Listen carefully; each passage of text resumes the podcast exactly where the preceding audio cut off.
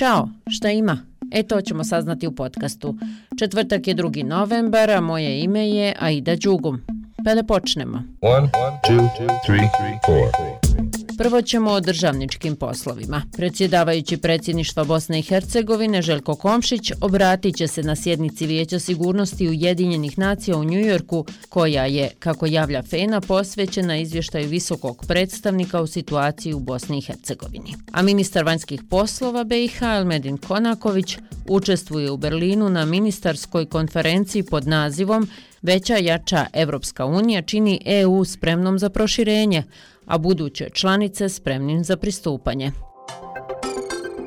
Zdravstveni radnici u Hercegovačko-Neretvanskom kantonu počinju generalni štrajk, jer su nezadovoljni visinom plata, a traže i novi kolektivni ugovor – govore predsjednik Nezavisnog sindikata zaposlenika Sveučilišne kliničke bolnice Mostar Ivica Anić i predsjednik Nezavisnog sindikata kantonalne bolnice dr. Safet Mujić Ismet Kodro. Negdje oko blizu 4000 zdravstvenih radnika koji će stupiti u generalni štrajk. Dok ćemo veliku prosjednu šetnju napraviti 6. i 11. točnije u ponedljak. Korisnici naših usluga, odnosno građani Mostara, malo imaju razumijevanja za ovaj štrajk. Sindikati, odnosno zdravstveni radnici, se sve učinili da ne dođe do štrajka. Nažalost, vlada je takav odnos napravila prema nama da smo se morali odlučiti na ovaj nepopularan korak.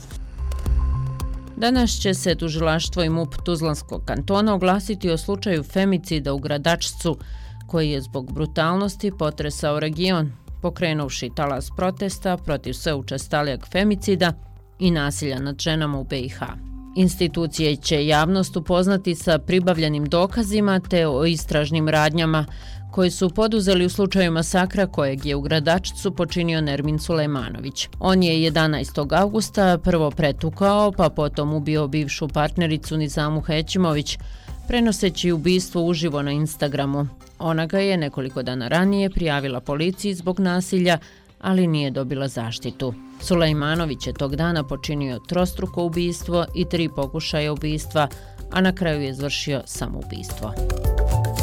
Održava se i ročište na kojem će se iznijeti žalbe na presudu kojem su bivši federalni premijer Fadil Novalić te suspendovani direktor Federalne uprave civilne zaštite Fahrudin Solak i vlasnik firme Srebrena Malina Fikret Hođić osuđeni na ukupno 15 godina zatvora za zloupotrebe prilikom nabavke respiratora vrijednih 10,5 miliona maraka tokom pandemije koronavirusa. Istom presudom je bivša federalna ministrica financija Jelka Miličević oslobođena optužbe za nesavjestan rad u službi.